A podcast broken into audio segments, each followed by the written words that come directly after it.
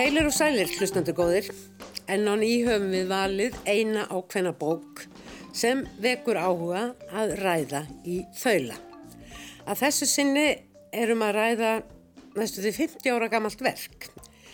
Heið stuttabref og hinn langa kveðja. Þetta er Kurtse Bríft som langen abschied sem kom fyrst út hjá Þíska bókaforlæginni Surkamp árið 1972 eða aðeins sex árum eftir að fyrsta bók höfundarins, Peters Handke, kom þar út en það var skáldsagandi í hornis eða randaflugan.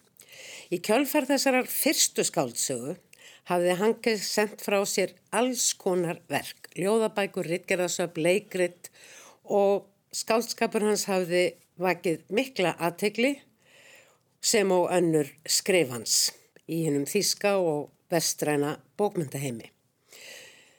Um þetta leiti þarna á uh, kringum 1970 voru að koma fram á sjónasviði ný kynnslóð höfunda sem ekki hafiði meðvitað tekið þátt í Þriðjaríkinu og heimstriöldinni síðari í Þískalandi. Nú voru það studentóverðirnar og krafanum ákveðnara uppgjör, hverskins valdbóðs og baráttan fyrir frelsi einstaklingsins samfara rétti þeirra sem minna máttu sín sem markaði samfélagsumræðuna og er áttundi áratugurinn í þýskum bókmöntum oft kendur við nýja huglægni og sjálfsæfisöguleg skrif og þar er Petur Handke framarlegi í flokki eins og bókin sem hérum ræðir vittnar um. Þeir suttabrefun langa hverjur um allt sérkennileg frásögn og skreppur eiginlega undan öllum skilgreiningum og það verður spennandi að ræða þessa bók við viðmælendur mína því hér í hljóðstofu eru komin Ástís Tórótsen, kvikmundagerðarkona sem í setni tíð hefur einbeitt sér að heimildamindum en hún hefur líka skrifað fyrir leikhús, ekki síst útvarsleikhúsið og sendt frá sér eina skáldsögum. Auk ástísar er hér Snæbjörn Artgrímsson, fyrrum mikilvirkur bókaútgefandi heima og heiman en nú aðalega þekktur fyrir barnabækur sínar. Tvær hafa þegar komið út og báðar fengið íslensku barnabókavelunin og svo setni bara núna í vikunni. Til hamingi með það Snæbjörn. Takk fyrir. Og má ekki líka óska þér til hamingi ástís, þú varst að opna síningu og senda frá þér bók Jú. Eh, um verk uh, bróðurðins Jóns Tórótsen, svona fjölskyldu verkefni í starra samhengi. Jú, jú, bókarútgáfa, svo fyrsta sem ég gef út. Já, þú gefur hana út líka. Já, og eða mitt fyrirtæki og svo síningin er opinn, Bergstadstræti 25b til 9. mæ, endilega Flott að drífa sig. En hér ætlum við nú að einbeta okkur að áður nefndri 50 ára gömlu bók En eins og áður sagði hafði Petur Handke í tæpan áratug þegar sendt frá sér Ímis verk.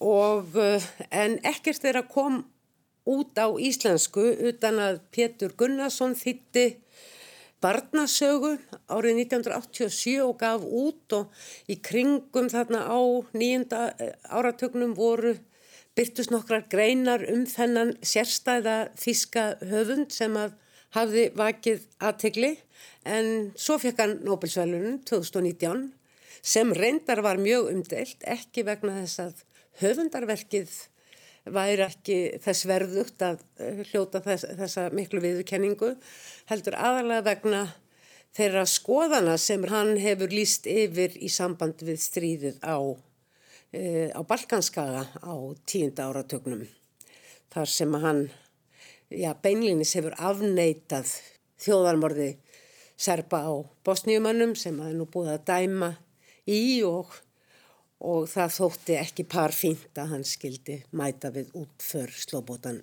Milosevic. Ég veit ekki hvort við komum eitthvað inn á það en þetta er náttúrulega ákveðin hluti tilvistar hans og hangir utan á þessum Nobelsvælunum.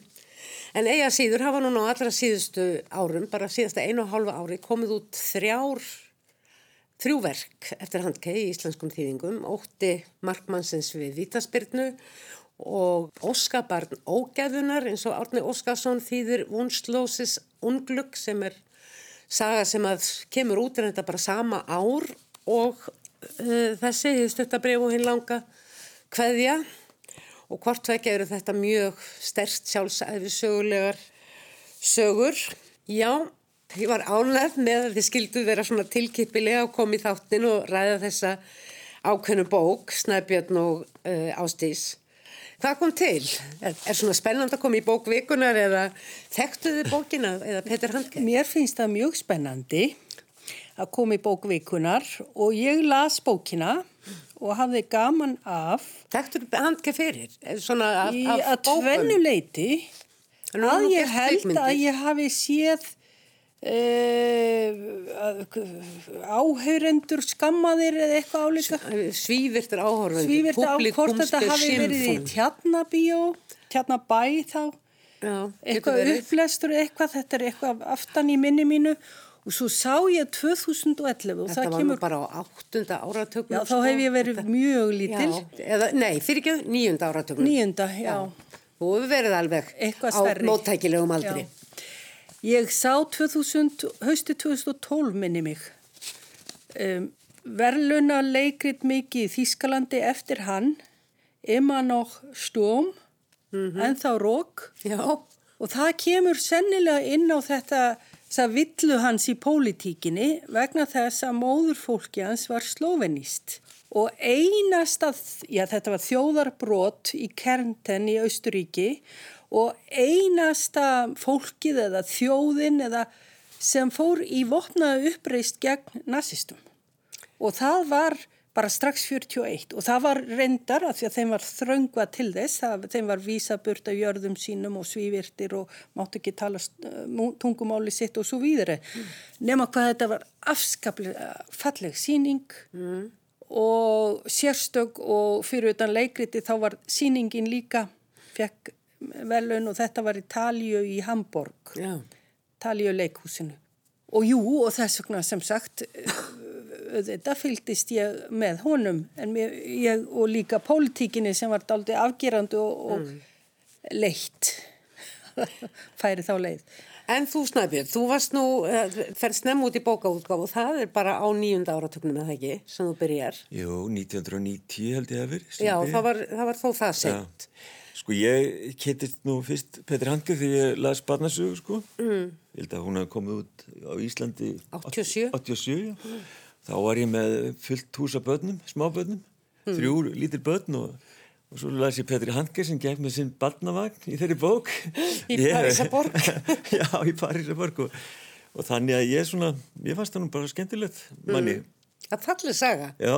og miklar pælingar í sambandi við já, að vera fadir, svona, vera fadir og, og svona hvernig maður getur leitt barni gegn, gegnum lífið já, nei, komið því að stað. Ég fannst það bara skemmtilega og auðvitað Pétur Gunnarsson sko, sem er bara heimsins besti þýðandi.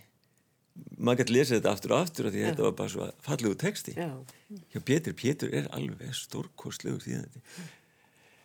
En síðan bara hérna veldi nú fyrir mér að gefa út Petur Handke að því mér þótti titillin á, á bókinins ótti markmannsins við vítaspjörnir svo fallegur. Ertu fó, fótballtamaður? Ég lít á, á fótbolta sem bara stórkostlega listgrinn. Mm -hmm. Þetta er bara ballett með bolta í mínum huga. Mér finnst það svo fallett, horfa fótbolta. Mm. Ég horfa ekki sérstæðilega mikið á fótbolta en mér finnst það svo fallett. Mm. Mér finnst það frábær íþrótt. Og af því að það er svona mikil áhuga maður um, um fótbolta, ég veit ekki hvort að Petri Handke sé það. En, veit það ekki. Nei, en, en þannig ég var mjög áhuga samur um þessa bók, Óttan Markmannsins. Mm. En svo því ég fór að lesa hana á, fannst mér svo svolítið erfið. Hún er sko. flókin og, og ekki kannski eins mikið um fótbolta Ná, eins og titillin gefur til kynna. Nákvæmlega, ég beði alltaf spenntur eftir þessari vítaspilnu, en hún var það ekki. nei, ég, svo ég, og líka það var enginn jarfegu fyrir Handke á Íslandi þegar ég var ekki úr, ég fann hann ekki, sko. Mm. En ég mér finnst þessar bækur hans, Uglu og Jakobs, mér finnst það svo flottar. Mm. Mér finnst þetta flottar kápur, mér finnst þetta... Já, þetta er einfalt og er, heildstætt. Mjög fínt og fallegur útgáður og, og þýðingarnir báðum, mm. eða öllum þremur, áttin Óskarsson er stórkoslegu þýðandi líka, en ég var svo hrifinu líka af þýðingu Frans Gíslasonar á mm. Óttan Markmanns. Já. Það var bara uppljóðun líka. Mjög gaman að, að svo þýðing skildi ná að, að koma út og, og príðilega upplýsandi eftirmáli í þeirri bók. Mjög góður eftirmóli. Já. Jón Alli. Um, já, Bjarnason. Eh, um handke og eh, um söguna. Já. En þetta er náttúrulega, þetta er gríðarlegt höfundarverk. Hann er að gefa út 10-15 bækur á hverjum áratug Já.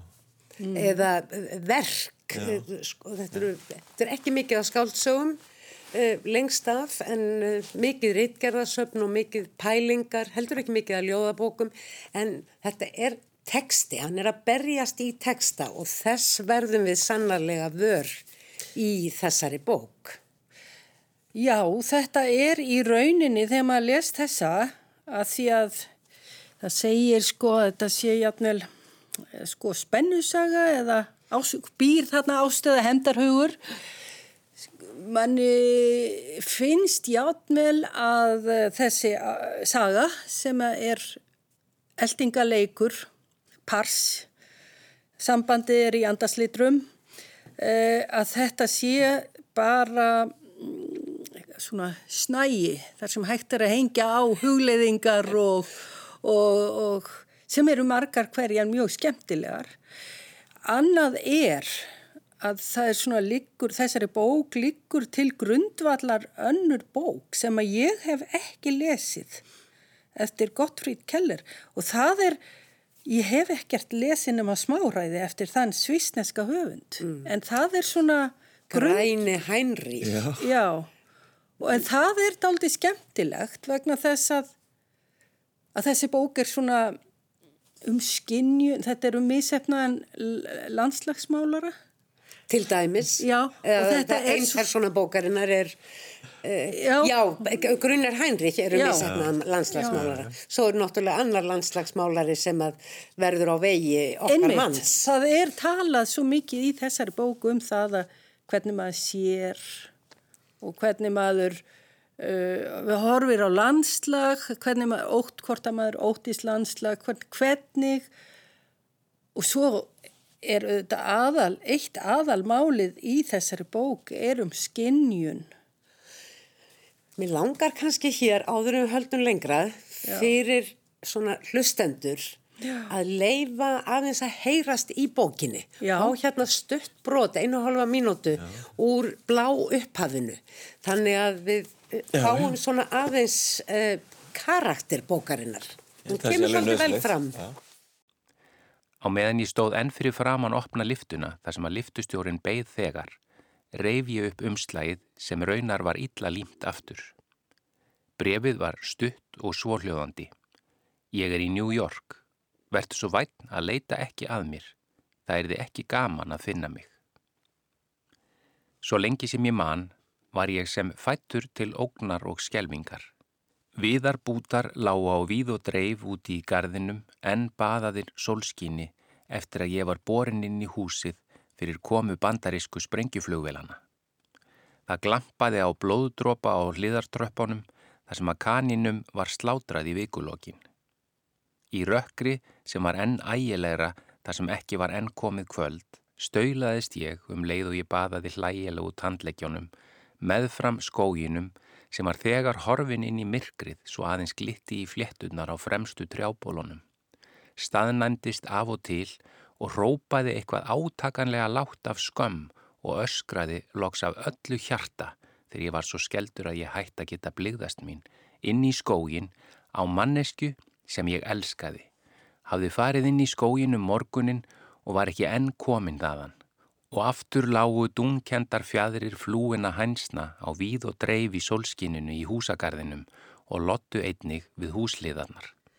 Ég steig inn í liftuna og um leið og gamli blökkumadurinn sagði að ég skildi gæta mín þegar ég stýi inn, rasaði ég um ögn hærra gólf klefans.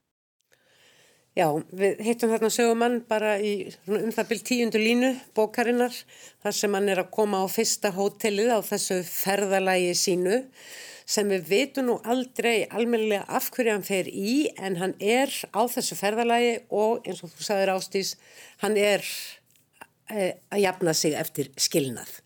en uh, greinilega eldir þessi skilnaður eða hinn aðilinn í hjónabandinu hann uppi eins og við heyrðum þarna. En þannig erum við sem sagt með núið og svo koma strax upp minningar og það er það sem að sko það er hlutirnir allan tíman alltaf mátaðir við.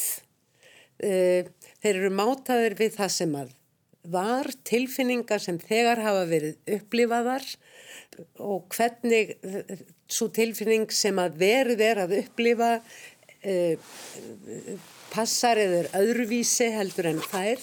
Hann vill verða öðruvísi, hann vill breytast, þá alltaf að verða eitthvað nýtt, hann vill verða nýr maður. Þetta er einhvers konar þroskasaga í þeim skilningi líka svona endur nýjunar. Já, já, þetta er, þetta er þróskasaga eins og þessi bókum þennan græ, græna Henry, það já. er, það er vist aðal, aðal þróskasaga uh, þjóðverja, það er þýskumælandi mm. Og maður sér það bara í klassísk. Já, já, að sem sagt í upphafi sögurnu þá í þá er hann ansi örfinglaður sko, vokkamaður og, og sér allt bóið og skakt og öll hans skinnjun er einhvern veginn mótuð af þessu, þessu þessari ángistans út af þessum skilnaði vantilega. En svona þegar líða tekur á bókin þá er eins og hann svona aðeins farið að sjá skýra sko. Skinnun er ekki alls svona í fiskauðu einhvern veginn, mm -hmm. finnst mér. Og svona meiri sátt síðast í bókin heldur en í upphafu bókar. En þetta snýst voða mikið um það bókin finnst mér hvort, hvort að honum takist með tungumálunum að lýsa því sem hann sér og því sem hann skinnjar og lýsa því þannig að það sé ekki klísja einhvern veginn með öðrum hætti já, já. heldur en hinga til hefur gert. Nú verð ég að taka daldi stort tilhaup vegna þess að þessi polaroidvél. Sem að var svona eins og það var nokkur klísja á þessum tíma. eftir. eftir já, en við sjáum þessa polaroid myndavél Við sjáum hana líka í kvikmyndin eftir Wim Wenders, Alice in den Stetten og við sjáum hana í andra dansen. Sem oft hefur verið tengt þessari bók. Sem er eins og tvíbrasistir. Já. Þessara bókar. Þetta er ekki kvikmyndin á þessari bók. Nei, en, en svona andlega skild. Og þá fór ég að hugsa því að lasa þetta af hverju Polaroid, þetta eru augnablikin. Og þarna var ég, þessi að lesa þessa bók er eins og að fara á tímaflakk. Ekki bara ég var þarna í bandaríkjónu tíu árum eftir að sögutímin er og allt svona daldi niður nýðslu og, og þess. Bak, maður sá bakluta Ameríku. Mm. Heldur líka að því að þegar ég kom til Þýskalands þá emdi eftir af áhrifin þessara kynsluðar og það var meðalans annars þetta. Þetta þunga næstu eins og hvern, hvernig er hægt að segja sögu. Þetta er svona áhrif frá annari heimstyrjöldinni, þessu, þessu niðurbroti í rauninni sjokki evróskrar menningar mm. og við vorum komin með, þarna, með nýja rómaninn í Fraklandi Jú. og það var allt leist. Ég er ju eitt af átrúnaða góðum handkess. Já, allt leist upp í augnablík. og auðvitað er þessi pólaróðu myndavél bara og þá erum við með 24, 24 ramma í sekundinu sem að tali svona eins og kvikmynda gerða maður en svo er bara að tengja þessa ramma og búa til sögu. Og það virðist veru svo erfitt fyrir þessa kynsloð næstu í samvisku bit yfir því að segja sög Já, mér fannst svo merkilegt þegar hann fer og sækir uh, Polaroid-myndavillina við erum ekki komið neina og fáum jáfnvel aldrei í allir bókinni almenlega mynd af konunni, Judith. Um, en hann fer semst og sækir þessa Polaroid myndavél og þetta er jú árið 1971 allavega á 8, byrjun 8. ára töðarins en maður veit með Polaroid myndavél þá er enginn filma myndirna sem hún hefur mögulega tekið, þær, hann veit ekkit um þær. Já. Það fannst mér, þar kom upp svona einhvert, einhvert, uh, einhver eiða sem að ég hugsaði, hva, hvað ætla hann sé að hugsa um það? Já. Það kom reyndar aldrei fram, en ég fór að hugsa um Já, en hvað er pól, pólur, ég man nú eiginlega eitt eftir hvað, Þetta er ég man aftur- eftir þessu, eh, Þessu kom í Já. Tísku. er þetta komið í tísku aftur? Já, Já, já. Það spýtast út í já. og svo það- gerir maður, hristir maður og var blæs á þetta- þær. Var þetta aðal myndavélun á þessum tíma? Nei, hún var svona Hún tísku. Já. Og Var ný. tís, smá tíska og ég held að þeir hafi gripið hana uh, líka Wim Wenders og maður sér þetta líka í Alice in den Stetten Alice in the Cities á ennsku kallu kallu að sko hann er með þessa vél og hann getur ekki skrifað grein fyrir blaðið, hann er í Ameríkuferð, alveg eins og þessi Já. hann getur ekki skrifað grein fyrir eh, dagblaðið sem hann átti að skila af sér, hann tekur hellinga á þessum myndum og er aldrei sáttur við er það festist ekki það á sem hann vil mynda. Mm. Svo að, en söguna vantar og í rauninni í lók þeirra kvikmyndir sem ég kjafti frá, enda löngu gömul, uh, orðin gömul að þá sér hann sögun, finnur hann söguna. Og að vissu leiti að þá kemur þessi líka inn á hann Peter Handke, vinur Wim Wenders Jú, og samverkamaður, hann kemur líka inn á þetta og svo þessi tilvitnun í John Ford sem átti nú heldur betur auðvelt með að segja sögur. er, hann er svona svolítið eins og Peter Handke, svona gríðarlega afkasta mikill á sínu sviði og fjölbreyttur í sínu verki sem kvikmyndagerðamaður. En samt sem áður, það sem John Ford er, að hann bjóð til góð, góðsögur, sko. Þetta voru góðsögur um tilurð bandaríkjana. Hvernig bendir... Hluti að höfundaverkinu er þannig, svo, Já. en kannski er það allt þannig í grunninn, ég veit það ekki. Ég hef Já. ekki, ekki séð margar myndir eftir John Ford, ég man ekki eftir, einu einu stíð, að viðkynna Ég það. horfði á eina stanslist og nokkrar mjög oft. Þetta er, þetta er bara eins og að horfa á mýtur, svona eins og lesa gríska góðafræðin líka við eða Við verðum að Já, skella okkur í þetta. Þú veist, þetta er, þetta er vegna þess að, að hérna John Wayne, hvað væri hann án John Fords?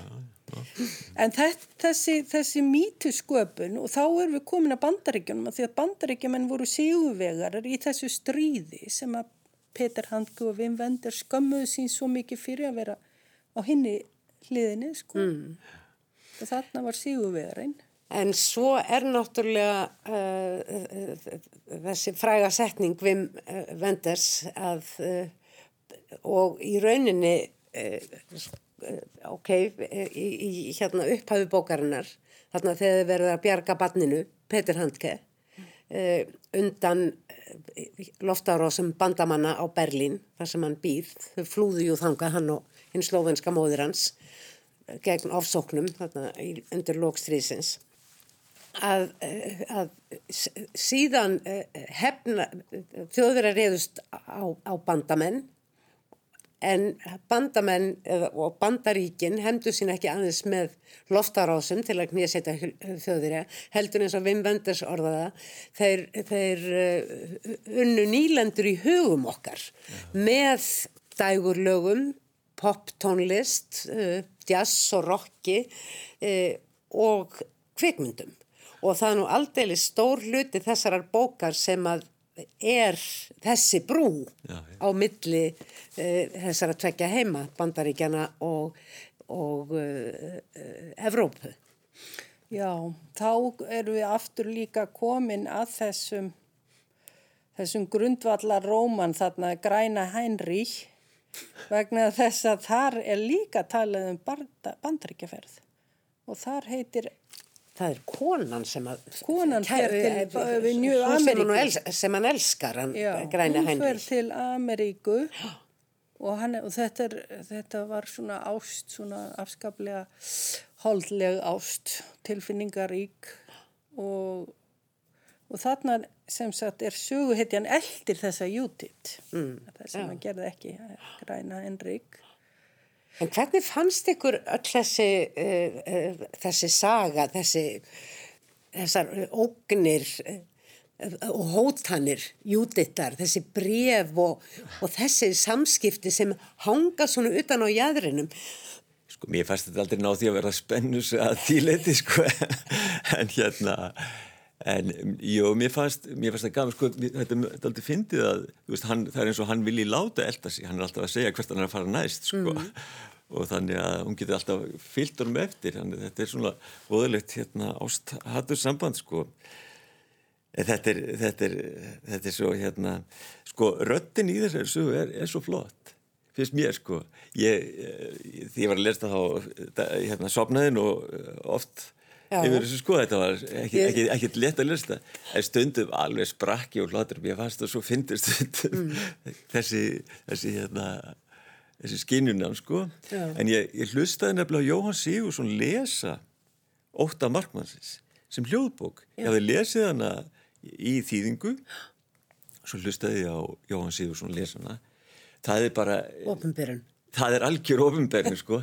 Það er svo flott að heyra hann lesa þessa bók það er alveg það er svo hann, hann bara tempóið og, og hérna hvernig, hvernig hann flytur, þetta er svo gott að bókin verður bara að opnast svo mikið mm. og ég var að hugsa ég þurfti bara að hlusta líka á, á ljóðbókina vegna þess að vegna þess að ég las hana tvísvar sko mm. og í setnarskiptið varð hún eiginlega meiri ofinberðin sko Já, ég las stóra langa kabla líka tvísvar því að ég átti, hún fór á kablu mjög í töðan á mér hvað þessi rosalega sjálfkverfi ferni. Þetta, þetta, þetta snýst í ringi sko. Já.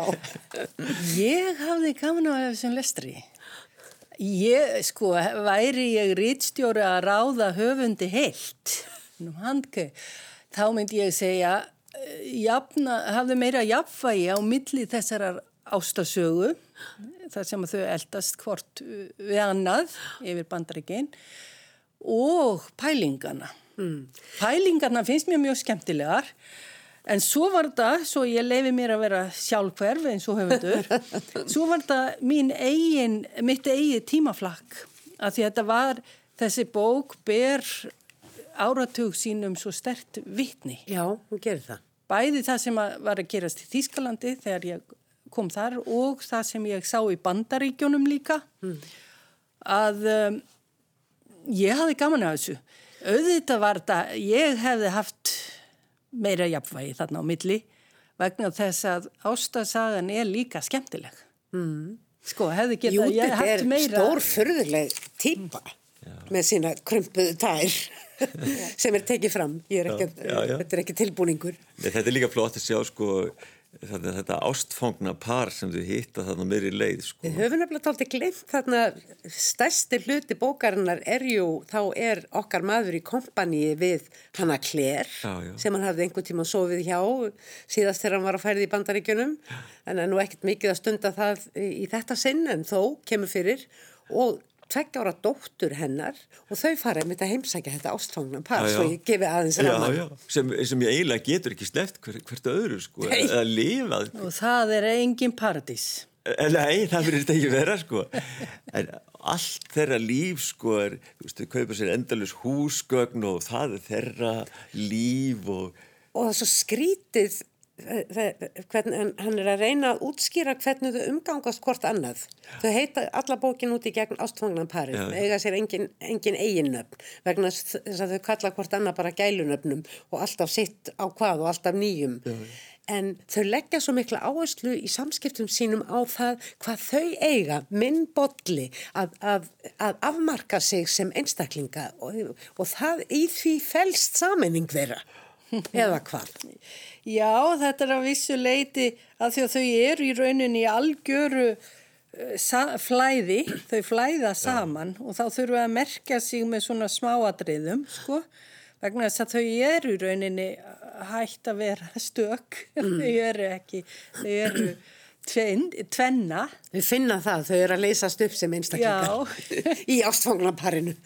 En svo fannst mér nú nokkuð skemmtilegt við þetta ástfangna par sem vinnur við það að eru, hann er skiltamálari og hún eh, hjálpar honum við það að það eru aftur þessar góðsugur. Mm. Það eru aftur þetta landnám hvitamannsins í bandreikunum. Mér fannst ég bara að fá allt annan skilning og, og viðbót við minn skilning á bandaríkjum. Ég var aldrei komið til bandaríkjana en þetta með landnámið og hvernig allt miðast við það sem er sínilegt í sögunni, það er ekki, liggur ekki það langt aftur, bara fá einar kynnslóðir. Já. Og að landslag sé í rauninni einski svirðin um að þar hafi gert sögulegi viðburðir. Og ég verð að minnast á það, akkurat þegar ég var þarna í Bellin, 84 minni með að hafi verið, ég var, man ekki, þá var opnun á olimpíuleikunum í Los Angeles. Og ég satt fyrir framann sjómarpið og fylgdist með opnunaháttíðinni og ég skammaðist mín fyrir hönd bandaríkjamanna. Þetta var taldi... Það var einhver landnema síning. Þetta var landnema síning. Okay. Það bara, það var, það voru bara, indjánar komu fyrir sem að það sem að voru kláraðir, sko. Það, þetta var... Það sem kvítimaðurinn hafði unnið. Já, og valla ekki, það var eitthvað tólkun í dansi, en þetta var bara þannig, maður horfið, sko, hefði þetta verið evrósk opnun, þá hefði verið einn maður og flíill, en þarna voru 20 flíklar hvítir. Sko þetta var allt svo stórt og þarna kom svífandi inn maður með, þetta var hallarislegt og, og ég vorkendi þeim. Þeir hefðu frekar átt að koma með fljótabát og, og eina einpípu Já, eins og þarna mjög sannfærandi svo lýsing fallegur kapli í bókinni Mjög fallegur þegar að einpípan hljómar svo kröftulega og hann skilur skyndilega amríska draumin. Já, Mississippi fljótið, Já. allar þær sögur. Já. Þetta, það er flott sena, sko. Já. Eins og öll þjóð... þjóðin lægi á blæstrinu. Já. Þetta er nefnilega þessi ameríski draumur, já. Sem að allir trúð á og hann er að fjalla að vissu leitum í þessari bók, er það ekki? Ég ætlaði einmitt að fara að segja það. Er það kannski það sem að hann er að fjalla um? Við hefum ekki langan tíma eftir og við hefum eftir að koma kannski aðeins að endalókonum, varfærnislega þó, en eiga síður. Að vissu leiti... Er þetta bók um einmitt... Að, uh, það finnst mér, vegna þess að í þessari stuttu heimsókn minni að þá slóða mig að alltaf fólk sem ég hitti, jætmjöl fátæklingarnir, svo dó fólki þarna á götunni fyrir fótum mér, allt trúði á bandaríska draumin, ameríska draumin mm. og þá þarf ofbúðslega góðsögn og það mér finnst að því leiti að veri sé að útskýra þarna þessa stóru sögu Já. með þessum stóru gloppum líka mm. hafði ég Já. tilfinningunni Já Og það er einhvern veginn verið að reyna þá að fanga það í, í skálskap, í skinnjun uh, og uh, ég, ég er þessi bók það einsleitt. Mér finnst það vera bara í svo, í svo mörgum pollum þarna. Já. Bæði þetta með skinnjunina og allt það, hvernig að segja sögu og, og, og, og tengja sko, það er eitt og svo finnst mér þessi þroskasaga, mm. ástasaga mm. og svo finnst mér þetta, þessi góðum, þessi stóra bandaríka, band, eh, Amerika bandaríkjana. Já. Mér finnst þetta eins og fljót, sko, þessi saga. Mm. Að því leiti er hún skemmtilega, því að það er hægt að opna hana aftur. Já, já, það er einmitt það sem gerist og hún opnar sig þegar maður fer aðeins að átta sig á þessu mm, hvað, um hvað það snýst þá þegar maður lesa náttúrulega skilmaður skilmað betur og, og skilmað betur hvað hann að fara sko og, og í rauninu verður hún miklu miklu finnar þegar maður lesa hann aftur að því hann, hann flippar svo með þessa skinnju sko. Hann leifir sér að taka sko svo absúrt eh, dæmi og myndir það er aldrei neitt svona, þetta er allt frekar svona grámögulegt og niður nýtt og, og það er drukkið viski og engiförul og, og, og Coca-Cola og það er eiginlega, það er bara popcorn og hambúrgar er aldrei neitt annað. Já, svona var þetta. Já. já, já. Finn, það, það er, er engir, stórir bógar þess vegna kom mér í rauninni kom mér lokin, náttúrulýsingin þarna alveg á síðustu blaðsíðunni. Það var mikil hérna náttúrulýsing á hæðunum á móti slóniður eldingu, grasið í kringum okkur var hátt og vindurinn blés öðru hverju gegn og það varpaði ljósum og dökkum skuggum. Blöðun og trjánum snerust, blökt eins og þau væri sölnuð. Um stund var logg. Síðan skrjáfaði runna baki okkur á meðan allir aðrir runnar voru kyrrir.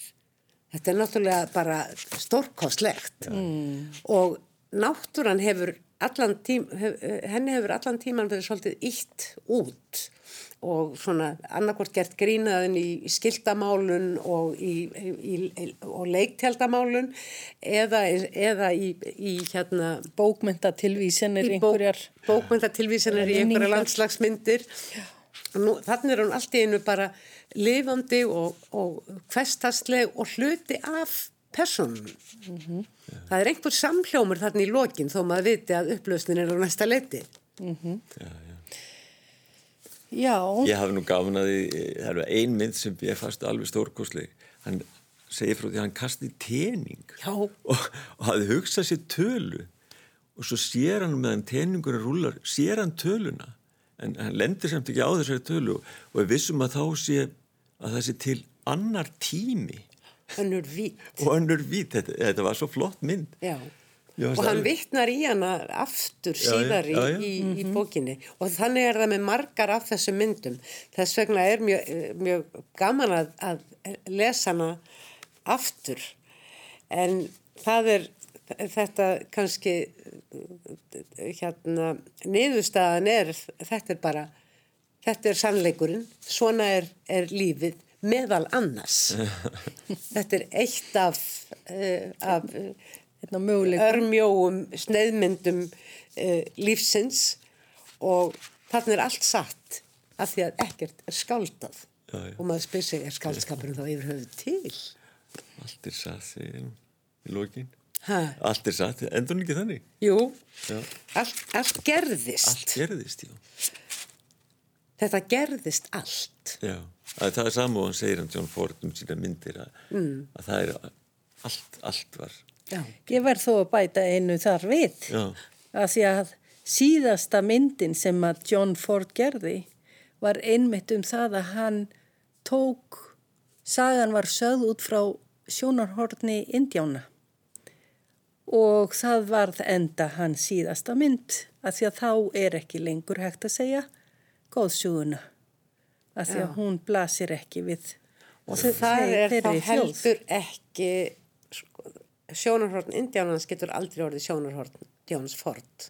Nei, þá hann, þá stó, þagnar þess hann. sem, þess sem gerir myndina. Já. og þetta er svolítið líka bók um, um það. Og kannski er allt höfundarverk uh, Petters Handki svolítið um það að hann er alltaf að skrifa um út frá sjálfum sér. Já, sko erum við ekki þarna komin bara að spurningunum sjónarhorn sko uh, nú bara svona veður á mér. Hann, auðvitað er hann af þessari slóvenskru fjölskyldu, slóvensku fjölskyldunni og þjóðinni sem að fóru í uppreysn og hans pólitíska afstafa er líka lituð af því. Hann er bara... Hann er indjáni. Eins konar indjáni í þessu leikriti sem að ég sá eftir hann. Emma nokk uh, stúam fjallar hann um Indjána í lokin og hvernig túrismin hefur tekið allt yfir og gert og lagt um, hann, tala, hann tala um Alaska Indjána og lagt kultúr þeirra í rúst þeir standa upp úr þvögunni stöku sinnum sem síningagripir sko og veifa til næsta síningagrips, halló ég er hérna enn og svo setjast þeir aftur og leika sjálfan sig og myndum smelt af. Þetta leikriti það lauka löngu eintali þar sem að þetta kom fram. Mm. og þarna er hann aftur að tala um sem sagt þjóð sem að veður yfir aðra og það er um við turistarnir og mm. sem veðum, veðum yfir veðum yfir indjánana Ég er ekki vissum að við ættum að fara nánar út í þessa hluti á þessum síðustu og verstu tímum uh, ferða manna yðinarins í heiminum. En við erum eiginlega runnin út á tíma. Einhver einn setning? Nei, nei, ég ætla bara núna að fara að lesa þessa bók aftur, slög. Það var gaman að henni. Það er, uh, það ber að þakka að hafa fengið þessar bækur í þýðingu að þær geti verið aðgengilegar í hillunum okkar Og í líka í framtíðinni. svona fínum þýðing, ég er ánægð með þessar þýðingar. Já, sannarlega. Allar þrjár. Já. Mjög fínar. Kæra þakkir, Ástís Tórótsen og Snæbjörn Artgrímsson. Gaman.